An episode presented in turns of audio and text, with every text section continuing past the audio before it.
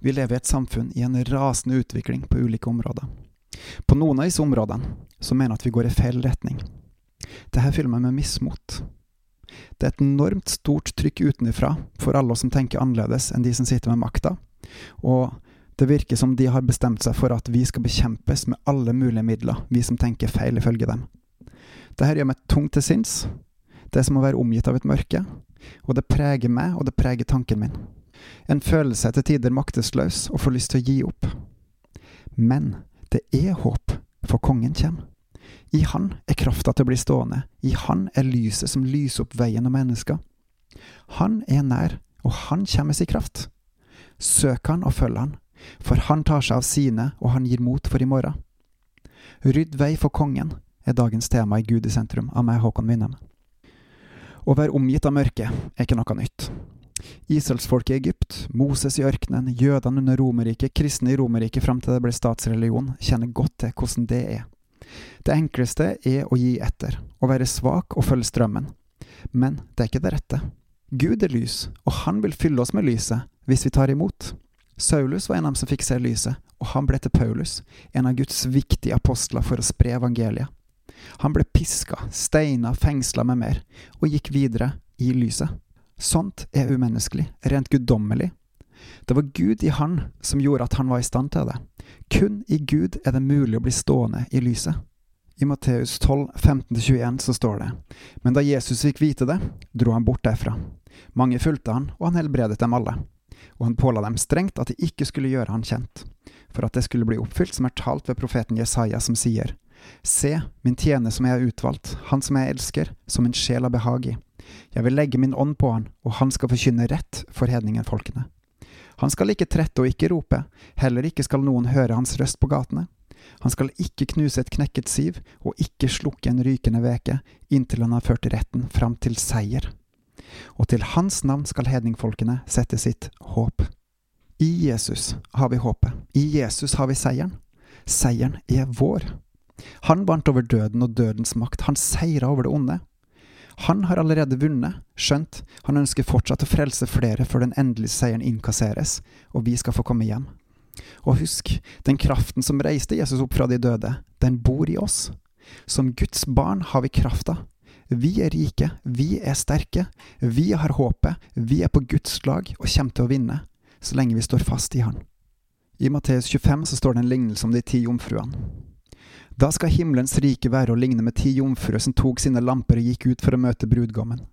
Men fem av dem var uforstandige, og fem kloke. De uforstandige tok sine lamper, men de tok ikke olje med seg. Men de kloke hadde også tatt med seg olje i kannene sammen med lampene sine. Da det dro ut før brudgommen kom, slumret de alle inn og sov. Men midt på natten lød det et rop, Se, brudgommen kommer, gå han i møte! Da våknet alle jomfruene og gjorde sine lamper i stand. Men uforstandige sa til de kloke, Gi oss av deres olje, for våre lamper slukner. Men de kloke svarte, Nei, det vil ikke bli nok til både oss og til dere, gå heller til dem som selger og kjøp til dere selv. Mens de var borte for å kjøpe, kom brudgommen, og de som var rede, gikk inn med ham til bryllupsfesten, og døren ble stengt. Til sist kom da også de andre jomfruene, og de sa, Herre, Herre, lukk opp for oss. Men han svarte og sa, Sannelig sier jeg dere, jeg kjenner dere ikke. Våg derfor, for dere kjenner ikke dagen eller timen. Våk! Vi må ikke sovne. Vær beredt, vær forberedt. Gud er nær og vil at vi skal gjøre hans gode gjerninger. Vi har fått et ansvar om å gjøre vår Jesu kjærlighetsoppgave. Elsk også fiender. Vær med Gud, mat deg med Hans ord gjennom Bibelen og direkte til deg via andre. Bygg Guds rike. Da sørger du for å ha olje i lampa. Rett etter, i Matteus 25, står det om tjenere som skulle forvalte en manns eiendom. De fikk ansvar for enorme summer og skulle sørge for avkastning. Det forventer Gud av oss også, for vi har fått enorme rikdom av Han som skal gi avkastning. Merk, våk, bygg Guds rike, så vil det garantert vokse, bær frukt, gi avkastning. Gjør det ikke det, er noe alvorlig galt. Våk, bygg, bebels, så vil Gud sørge for vekst, både i helliggjørelse og nye troende. Den store kampen pågår inni oss. Det er der motstanderen effektivt prøver å sette inn sine angrep. Det kan gå på sjølbildet, det kan gå på sannhetene, på hva som er rett og galt. La aldri noen fortelle deg at du ikke er skapt i Guds bilde, at skaperen av alt i himmelen på jorda ikke har villet deg og elsker deg, også sjøl om vi synder, for det gjør han. Og la ikke noen få deg til å tvile på Guds ord, Guds sannheter. Sjøl om folk skifter mening, er Gud evig og god. Hans sannheter er sannheten. Våk. Bygg, støtt og advar, både deg sjøl og brødrene. Det er jo våre trossøsken vi har ansvar for, som vi skal elske. Det er ikke dem utenfor vi skal advare, men våre brødre, vår familie. De utenfor trenger evangeliet, de trenger frelsen. Vi innenfor å holde fast og vokse i Guds ord. Våk derfor over deg sjøl, og våk over familien.